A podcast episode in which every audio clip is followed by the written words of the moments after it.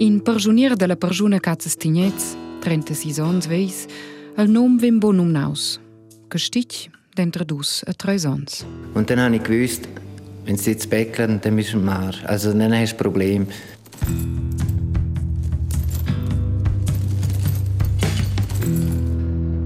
Podcast.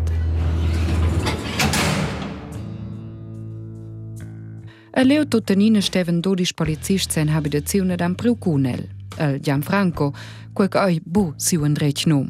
El sese schon de pidia schmeins en perjun, ed ha circa un ina gattons a vonel. Jo ai stiau centad el en perjuna cazzas tignez in ura dic moies circa cien demandes, ed el ha ludau ina massa rispostas interessantes ed aviartes. Per quei è quella episodio del podcast è in tec pli lunga. Denton vos udis cheu per exempel, coin se sente de fein mal fac, cu a neukin se sente en perjun libers, coin fau din apparat de falla barbi de maschine de tetova, a ci che diam franco ai. Ich habe ähm, zwei, etwa zweieinhalb Jahre, bevor ich ins Gefängnis gekommen bin, habe ich ein normales Leben geführt eigentlich. Und äh, habe mein Leben eigentlich richtig im Griff gehabt und alles. Und dann bin ich gezügelt und dann ist die Ehe kaputt gegangen. Ja, und dann ist noch der Schwiegerpapa gestorben. Dann habe ich meinen Hund, den habe ich 14,5 Jahre gehabt. Den habe ich einen Monat, bevor sie mich festgenommen haben, noch einschläfern. Und das haben wir dann schon recht fest getan. A leu se puspeiu alla spirala de drogas. El Gianfranco che ha schon baulen sciete consumar heroin, a jedine puspeiser usnaus giuden. Mit 13, 13, 13,5 bin ich ins Heim gekommen und dort bin ich, dort bin ich so richtig abgestürzt eigentlich so. Und dann, wo die Mama gestorben ist, dort bin ich total also. Warum sind Sie ins Heim gekommen? Ja, weil ich in, der Schule halt schon Scheiße gemacht habe und Streit mit dem Lehrer hatte. Ich habe dann dort halt total angefangen mit Drogen zu konsumieren, Drogen verkaufen. Und dann von dort weggekommen mit 16. Meine Mama ist mit 16 gestorben und bin dann in die Magersucht hineingefallen. noch. Und dann ist es nachher aber tiptop gegangen. Dann habe ich die Lehre angefangen und dann, und dann hätten das nach zwei, drei Jahren schon wieder angefangen, wieder angefangen zu konsumieren. Und eigentlich hören, Gisiat gades al cun terapias schon un prou de calà. Denton center quels eveniments che la requintau avon, sei gel luvinius toccant ir quai punct. Ich bin nonstop sagen wir. Ich hatte einen so einen hohen Konsum. habe 5, 6 Gramm Kokain am Tag konsumiert, dementsprechend müssen verkaufen. Und ja, das hat ein Übermaß genommen. Eigentlich habe ich das gerne nicht in so einem Maß wählen. Und dann ist es immer mehr geworden und mehr geworden. Per comparear, e la Gazetta Zeit ha ludiu qu'in gram cocain en circa 12 linjes, a che quei costa denter 60 a 130 francs. Dir giunto che 6 grams, drovins poi una mesa kista per di. Raps che la legalmein buplis viu procura per tot. Gibt es eine Art der Grenze, wo man oft mal überschreitet und sagt, wenn ich das, wenn ich das jetzt mache, dann bin ich, dann bin ich strafbar? Ja, bei mir war es am Anfang so, gewesen, ich habe mit kleinen Mengen, also immer so 5 Gramm geholt, ein bisschen verkauft, ein bisschen konsumiert. Und das ist gerade so von 5 Gramm auf 50 Gramm aufgespiegt. Und dann habe ich gewusst, jetzt hast du eine Menge im Haus, wenn sie jetzt bäckeln, dann bist du mehr. Also dann hast du ein Problem. Und dann ist das aus 50, 100 und dann auf 200, 250 Gramm geworden. Und dann will man das Zeug eigentlich nur noch weg haben. Und dann haben wir aber das Geld wieder zusammen, dann kriegen wir schon wieder das Neue. Und dann, Von einem größeren Dealer? Oder Genau, ja. die Kette? ja, man hat, der, der hat irgendwie gesehen, mal, der lässt das Zeug nicht durch, der bringt das Geld und alles. Und dann habe ich das gekriegt, das Geld abgeliefert gemacht. Und dann hatte ich viel Material. Gehabt. Bin auch auf eine riesige Menge gekommen, ich wäre sonst nie auf so eine Menge an Stil gekommen. Und, dann- und das ist so, ja, mein Tag ist total in 24 Stunden Leute gewusst, die sind am Morgen 4 Uhr, sind Leute gekommen, geklopft, gemacht, hier, die Tür unten eingesperrt und so. Und man ist 24 Stunden fast tagelang nicht schlafen und so. Da studierst du nicht mehr, da bist du nur noch am Machen. Da. Und Und wie fühlt es sich an, wenn man so genau weiß, ich mache jetzt eine Straftat? man nimmt, weil man halt konsumiert, ist das wie ein Teil dazu. Und Man tut das Gefühl vielleicht auch ein bisschen betäuben. genau, ja. Wenn man klar im Kopf ist, macht man so Sachen eigentlich nicht. Also wenn ich nichts konsumiert hätte, mhm. dann hätte ich, glaube, hätte ich auch nicht angefangen, weil ich habe ja nur verkauft, damit ich konsumieren kann. Also, ja. Und dann hätten das halt einfach Übermaß äh, Überhand angenommen. Und, und, aber Angst davor, dass Sie ins Gefängnis müssen, haben Sie das vorher? Ja, ich, wenn man so zutrönt ist, klingt das noch blöd, aber man weiß, es wird so kommen. Mhm. Ich weiß noch, wenn ich mit einem Kollegen geschmunzelt habe und so gesagt habe, so, hey, meinst muss ich bald in die Kiste gehen und so. Und er so, ja, so wie du tust, ganz sicher, ja. Und man kann aber wenig anders, weil man muss ja seinen Konsum decken und für das muss man verkaufen. Und je mehr man konsumiert, desto mehr muss man halt verkaufen. Und dem Moment, wo Sie festgenommen worden sind, haben Sie dann wirklich Angst verspürt? Nein, sehr, ehrlich gesagt, am Anfang war es wie eine Erleichterung, weil ich so einen hohen Stress hatte. Mein Telefon, oder besser gesagt meine drei Telefone, die haben ununterbrochen geläutet ich hatte die ganze Zeit Leute daheim. Ich, war ne-, ein nervliches Frag. Und dann mein Hund ist noch, hat einen riesen Tumor gehabt. Den musste ich drei, vier Mal am Tag müssen waschen, neu verbinden und alles. Und dann eben, zum guten Glück, ist ein Monat vor der Festnahme konnte ich meinen Hund einschläfern. Also, das wäre das Schlimmste für mich, wenn sie mich eingesperrt hätten und der Hund die letzte Zeit noch in Heim gewesen wäre oder so. Und und Verhaftung ist, wie haben Sie verwünscht, die Polizei? Ähm, das war ähm, so, ich bin ähm, überwacht worden. Also sind äh, viele Drogenfahnder, die sich positioniert haben und tagelang mich beobachtet haben. Weil ich dort mal ist eben der beste Kollege von mir ist abgehauen von der Polizei. Der wäre in Untersuchungshaft gewesen und dann hat er irgendwas können haben sie ihn ins Spital gebracht wegen Methadon. Dann hat er irgendwie können mit einem Kleiderbügel etwas. Zumal steht er mit der Socke vor meiner Haustür und so. Ja, es war so lustig. Und dann habe ich ihn bei mir versteckt. Und dann habe ich ihm gesagt, los, jetzt musst du gehen, weil sie wissen, sie kommen hier an. Und dann haben mir der Kollege angerufen und hat gesagt, hey, los, mach dich bereit. Und die haben dann alles vorbereitet gemacht und so, so einen Behälter mit Wasser, das Kokain. Und wenn es gekommen wäre, hätte ich alles ins Wasser reingeleert, aufgelöst. Und das kann man auch wieder raus extrahieren. Ah, was? Ja, ja. Und ich habe dann gedacht, ja, noch konsumiert und alles. Und der Kollege sagt, hey, du bist auf der Flucht, ich will gehen, sie kommen. Und ich wollte gerne nicht gehen, weil ich dachte, ja, die finden mich eh am nächsten Tag. Und dann habe ich so zugetrönt und bin eingeschlafen und auf einmal hat es eine Tasche gegeben im Ramburg, ein riesiges Loch in der Tür, zwölf Beamte ins Zimmer reingestürmt mich vom Bett gerissen, auf den Stuhl getan, das Telefon ans Ohr gekippt und mein Anwalt gesagt, so, das Mal kommen Sie nicht mehr, kommen Sie nicht mehr davon, jetzt kommen Sie in Untersuchungshaft.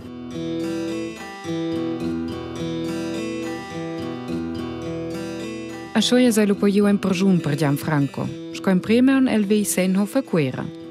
Tentona van che nus cinciain sur de sei midade de la libertate e arrest, ai an jumer veies, sco el recepesce siu kistic. Also wenn ich ehrlich bin, ich bin froh, dass ich nur zwei Jahre kriege. Mhm. Ja. Hätten Sie mehr erwartet? Also am Anfang habe ich gedacht, ich, ich käme noch mit einem blauen Auge davon, aber wo, wo ich dann so, wenn man alles so liest, was ich gemacht habe und so und um die Mengen, wo es geht, sind dann nicht mehr Grämlis, sondern Kilos und so und dann ist man dann schon, denkt man so, okay, zum Glück kriege ich nur zwei Jahre, weil man hört andere Geschichten, die einen haben auch weniger, aber ähm, am Anfang hat es geheißen 36 Monate und jetzt heißt es unter zwei Jahre. Also wenn das jetzt wirklich so gut rauskommt, bin ich mehr als zufrieden. Was hätten Sie sich für eine Strafe gegeben? das ist eine gute Frage. Ja, ich weiß auch nicht. Also so 15 Monate, 18 Monate. Empfinden Sie das Deal, das Sie gemacht haben, denn als falsch? Also denken Sie auch, dass es falsch war, dass vielleicht jemand wegen dem zu Schaden gekommen ist? Ja, das sind immer so Sachen, die eigentlich schwer ist zum Anschauen, weil ich habe, ich habe die Leute nicht abgezockt oder so. Ich habe wirklich Leute, die kein Geld hatten, denen habe ich es geschenkt. Irgendwie. Und klar, man kann dann auch sagen, ja, wenn du dem nichts gegeben hättest, hätte der vielleicht die Idee gehabt, um in den Zug zu gehen. Aber eben, das ist weit hergeholt, aber man, man kann immer so wieder so, so die Gegenfragen stellen und alles. Aber ähm, das, was ich gemacht habe, habe ich so, wie ich es gemacht habe, eigentlich ich habe probiert, das Beste daraus zu machen. Also, ich habe niemanden leiden lassen, wenn jemand auf, mein, auf meinem Zug war, habe ich dem gegeben, ob er Geld hatte oder nicht. Stop. Quei tun in text sco scelse definas sco Robin Hood per dependents de drogas. Per quei hai uns in altra modo maniera po' de domandau ninaga, senter so ja Perzeption de drech a verliu. Tut es Ihnen denn leid, das, was Sie angestellt haben?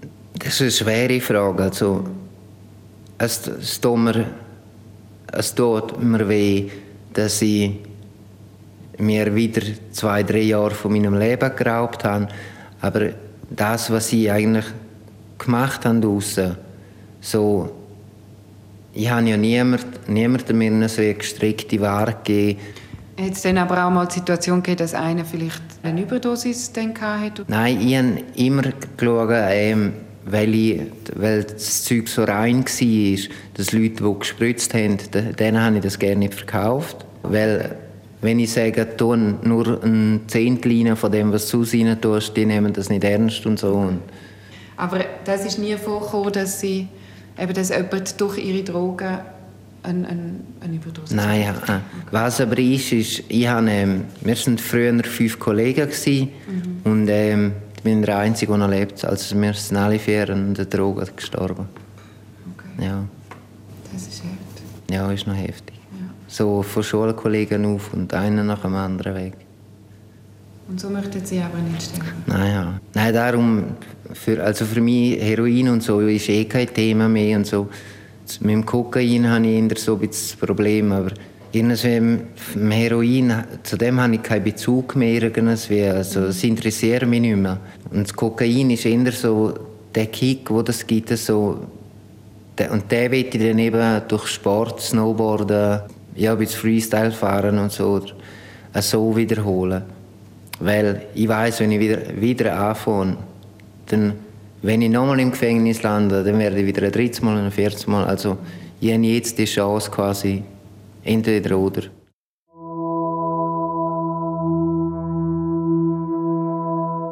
Lein mi da scena. Gianfranco vin portaus la polizia in perjun. Ad esemprems dis se giel Per siu cletg sco el doi, staus total hai, a dagi schoia dormentau quel sentiment de vinis rausen cun metadon. Denton tec a tec mondi ai lua schoia cun ins. Wo ich in Seenhof gekommen bin, habe ich gerade am Anfang habe ich alles abgecheckt, so, wie komme ich da weg, wie komme ich da weg, was soll ich machen. Alles Auskundschaften gemacht und so. Und dann äh, habe, ich, habe ich gemerkt, es bringt nichts. Eben, erstens klappt, wird es eh nicht klappen und wenn es klappt, bist du noch auf der Flucht und alles. Und dann gescheiter das durchziehen, rausgehen und neu starten. Allo sto inni lauter prigionier e rebellà in teca lanciata per venire frida con la nuova situazione.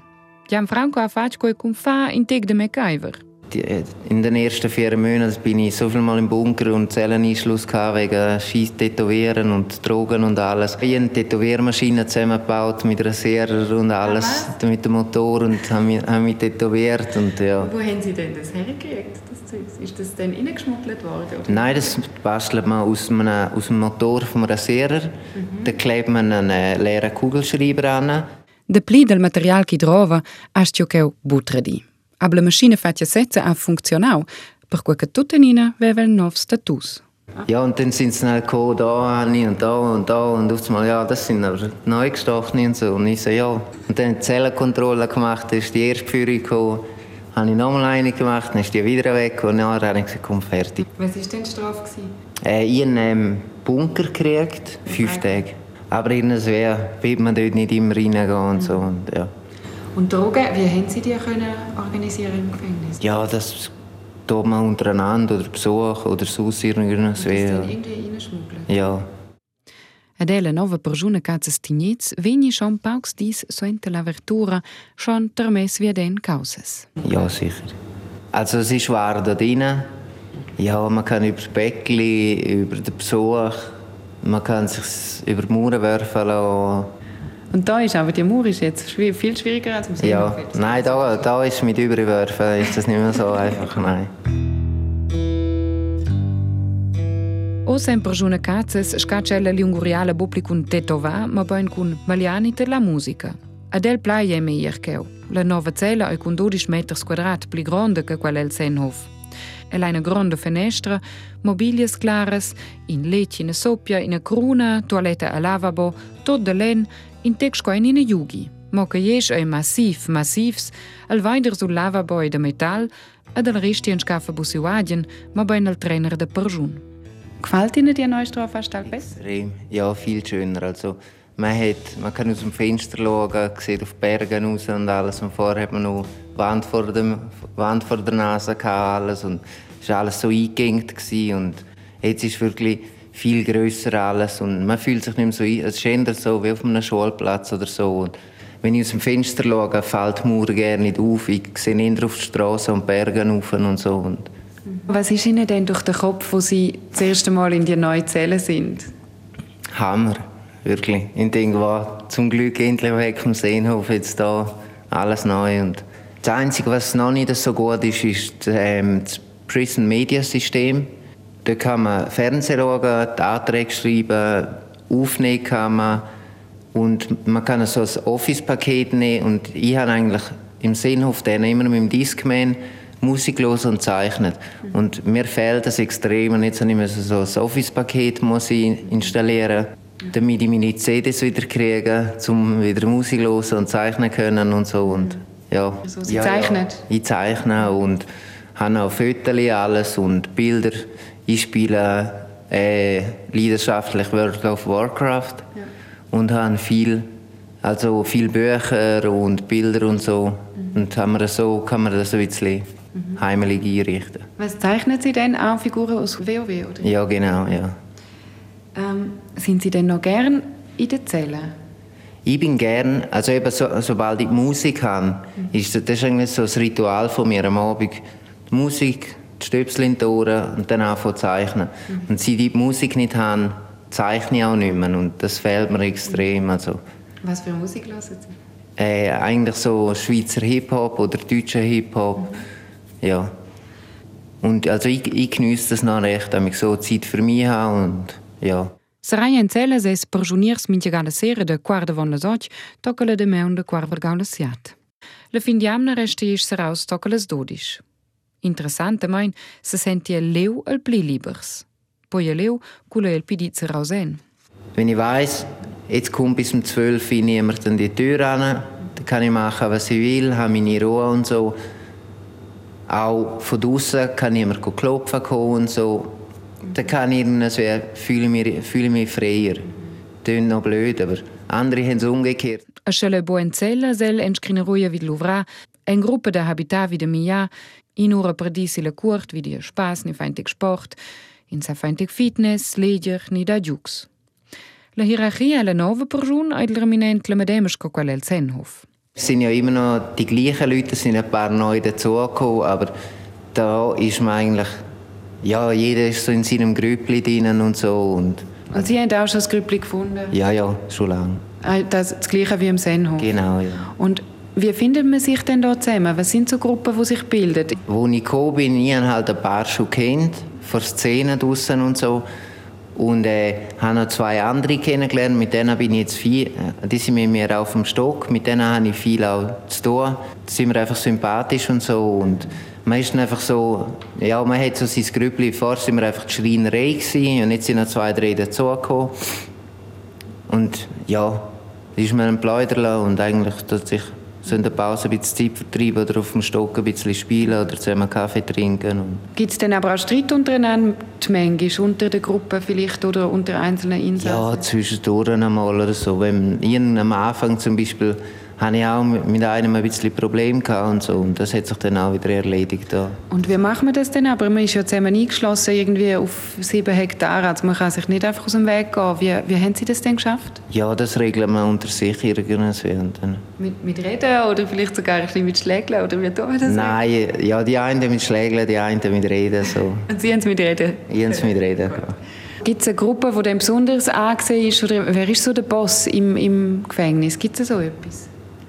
Nein, eigentlich nicht. Es gibt eins, zwei, drei, wo vielleicht mit der Stimme ein bisschen lauter sind oder so, aber da hat jetzt niemand irgendwie Angst vor einem oder so oder denkt so, boah, mit boah, Achtung der und so und boah, von dem habe ich Angst und so. Es ist eher, also am Anfang tut jeder so sein Delikt eigentlich nicht erzählen. Und mit der Zeit merken wir dann und es ist schon so, ähm, zum Beispiel, wenn einer vor Gericht geht und am nächsten Tag die Zeitung nicht, dass wir die Zeitung nicht kriegen, dann kann man sich eigentlich so zusammenreimen, okay, da ist etwas, sehr wahrscheinlich etwas, was wir nicht wissen dürfen der hat sehr wahrscheinlich etwas gemacht, was vielleicht nicht gerade so gut ist. Und dann kann man sich das so ein bisschen zusammenreimen. Aber meistens schaut man die Person an und denkt so, mal, ist ein sympathischer Kerl und so. Und ich habe eigentlich auch kein Vorurteil. Und ja, ich nehme es auch, wie es kommt. Denton X de cura quenti ins Luschone in lauter, c'è chi sa trafficau per venire in Perjun. Mal, wenn man sich dann ein bisschen kennt, von man auch schon erzählen und so.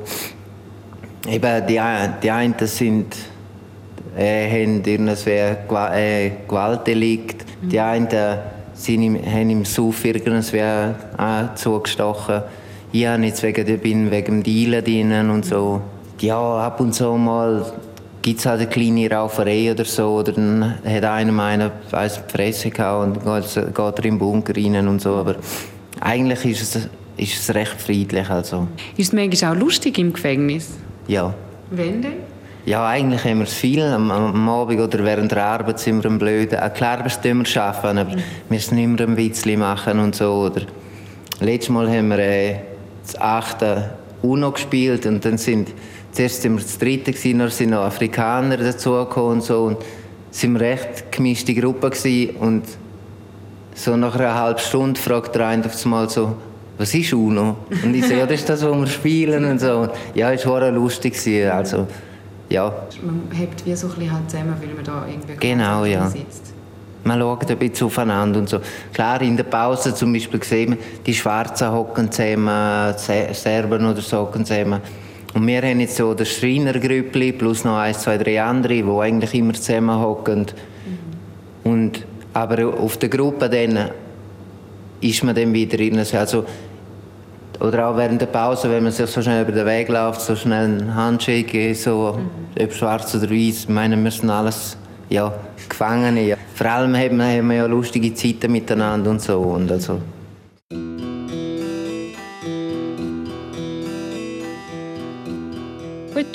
Ne šeske o amicetias. Jo me ne tjeu a jes meiers amic del mon. Els han in cor de dauch, jo riel cun els larmes, pretendel ci zunca nossas olmes emparentades, a loro loialitat gigantica. Quels vignessen si gira fa visita mi in Perjun, denton in Perjun se miden amicetias. Haben Sie noch viele Freunde von früher? Eine, zwei habe ich da. Mit denen bin ich auch draußen. Und die, äh, die anderen zwei, die sind in Realta. Mhm. Mit denen habe ich auch Briefkontakt und freue mich auch, um die wieder zu sehen. Muss dann halt aber schauen, wie es bei denen aussieht, wenn die rauskommen, ob die jetzt gleichen Weg weitermachen, weil das will ich nicht. Und so alte Freundschaften, also kommen Sie viele Leute besuchen auch von früher oder haben sich, ich frage, weil, weil es mich wie Wunder nimmt, man geht ja da, man macht ja da etwas sehr Schwieriges miteinander durch. Also sind ja. die Freunde, die man da hat, sind die wie echter als die Freunde, die man draußen vielleicht hat, die einem eben je nachdem nicht einmal mehr begleitet, wenn man ins Gefängnis muss. Ja, eben das ist ja so. Ich ich bin erstaunt, dass, dass es sind etwa vier, fünf Leute von der Gas, die sich immer wieder gemolden haben bei mir, die mich auch besuchen haben wollen, nicht aber dürfen haben, weil sie schon Delikt oder irgendetwas am Hals hatten und so. Sie haben ja auch recht auf eine Stunde Besuch glaub, pro Woche. Genau. Hätten Sie gerne mehr? Nein, ja, es ist ähm, die Ex-Frau, die mich besuchen äh, Es war mal ein Kollege da. Gewesen der ist jetzt leider auch ein Realter. Und ähm, der Vater und Schwester, die wir regelmäßig besuchen Die kommen Gramuren auch wieder auf Besuch. Und wie wichtig sind Freundschaften innerhalb des Gefängnisses? Also jetzt eben mit neuen Leuten, die man vielleicht nicht noch von der Straße kennt oder von früher? Wichtig. Wie entstehen denn so Freundschaften? Geht das schnell oder ist man da eher skeptisch? Oder was sind so Momente, die einem denn so verbindet mit den anderen? Ja, am Anfang ist alles so, die Leute, wenn man neu reinkommt, so da man die Leute so ein bisschen abschätzen, was das für einen ist und so. Und viel hat es halt auch damit zu tun, wenn man zusammen schafft. Mhm. dann lernt man sich schneller näher kennen. Und so entstehen dann auch Kollegschaften, vielleicht sogar Freundschaften und so. Oder man, man ist einfach ehrlich miteinander auch und redet miteinander und so, hilft sich ein bisschen gegenseitig und so. Ich bin jetzt auch mit den zwei, wo ich viel auf der Zelle bin oder so, wo mir sagen, die haben eben gerne nichts mit Drogen zu tun. Und, und das ist für mich jetzt noch gut, so, weil die sagen, hör, hör auf mit dem Scheiß, man, komm, haben andere Delikt, aber sagen, eben helfen mir auch ihnen, sagen, komm, jetzt bist du 36, man, hör auf mit dem Scheiß. Wie ist es denn, wenn Sie irgendwie einmal total down sind? Kommen die Freunde dann auch Sie trösten? Ist das, geht das gut? Ja, also vor allem eins, zwei, wo, wo sehen, dass wir nicht gut gehen sagen, hey, was ist los und so und dann ist reden wir. Ist es auch erlaubt oder darf man sich dann auch vielleicht einmal in den Arm nehmen oder irgendwie so, wenn man traurig ist? Oder? Ja, das will man glaube ich gerne nicht. Machen wir das nicht unter Insassen? Okay. Und fällt Ihnen das aber auch nicht? Hätten Sie nicht gerne vielleicht einmal jemanden, der so Sie umarmt oder irgendwie so? Ja, wenn es Frauen da im Gefängnis gibt, dann schon, ja, aber so sind wir Unter Männern nicht? Nein, okay. Una donna vende forse più spena gadenza e vita. Sco Franco racconta, se lei de buona foi che gertegli os, sentre sempre magade in perjun, con calaculas drogas. Und jetzt bin ich klar im Kopf und weiß, hey, wenn du rauskommst, du willst nicht mehr retour ins Gefängnis. Du, mhm. bis 36 so wie Gianna Papa werden vielleicht und so. Und was ich unbedingt machen möchte, wäre mich wieder mehr so auf BMX fahren, Snowboarden oder Skaten. So in der Freizeit, dass ich mir so meinen Adrenalinkick holen kann. Ja, und einfach wieder eben hoffen, dass ich irgendwo einen Job finde. Etwas. Und also wenn ich einen Job als Schreiner finden würde, natürlich wäre das traumhaft. Einfach das Leben wieder geniessen. Io smaccala delle spolis che quei gerteggi tot scoglie vija. Adio un grazie del grande mein per sei viarte dat. adiun grazie al fece vus per te latir. A naturalmene mes grandius protagonist, dat quasi o aștia un prender in ciuat. Jo prenus cum iau del pot knasht, percioi pol moment a questaule de vos episoda. Per cui, an grazie al fece, a stai jobers.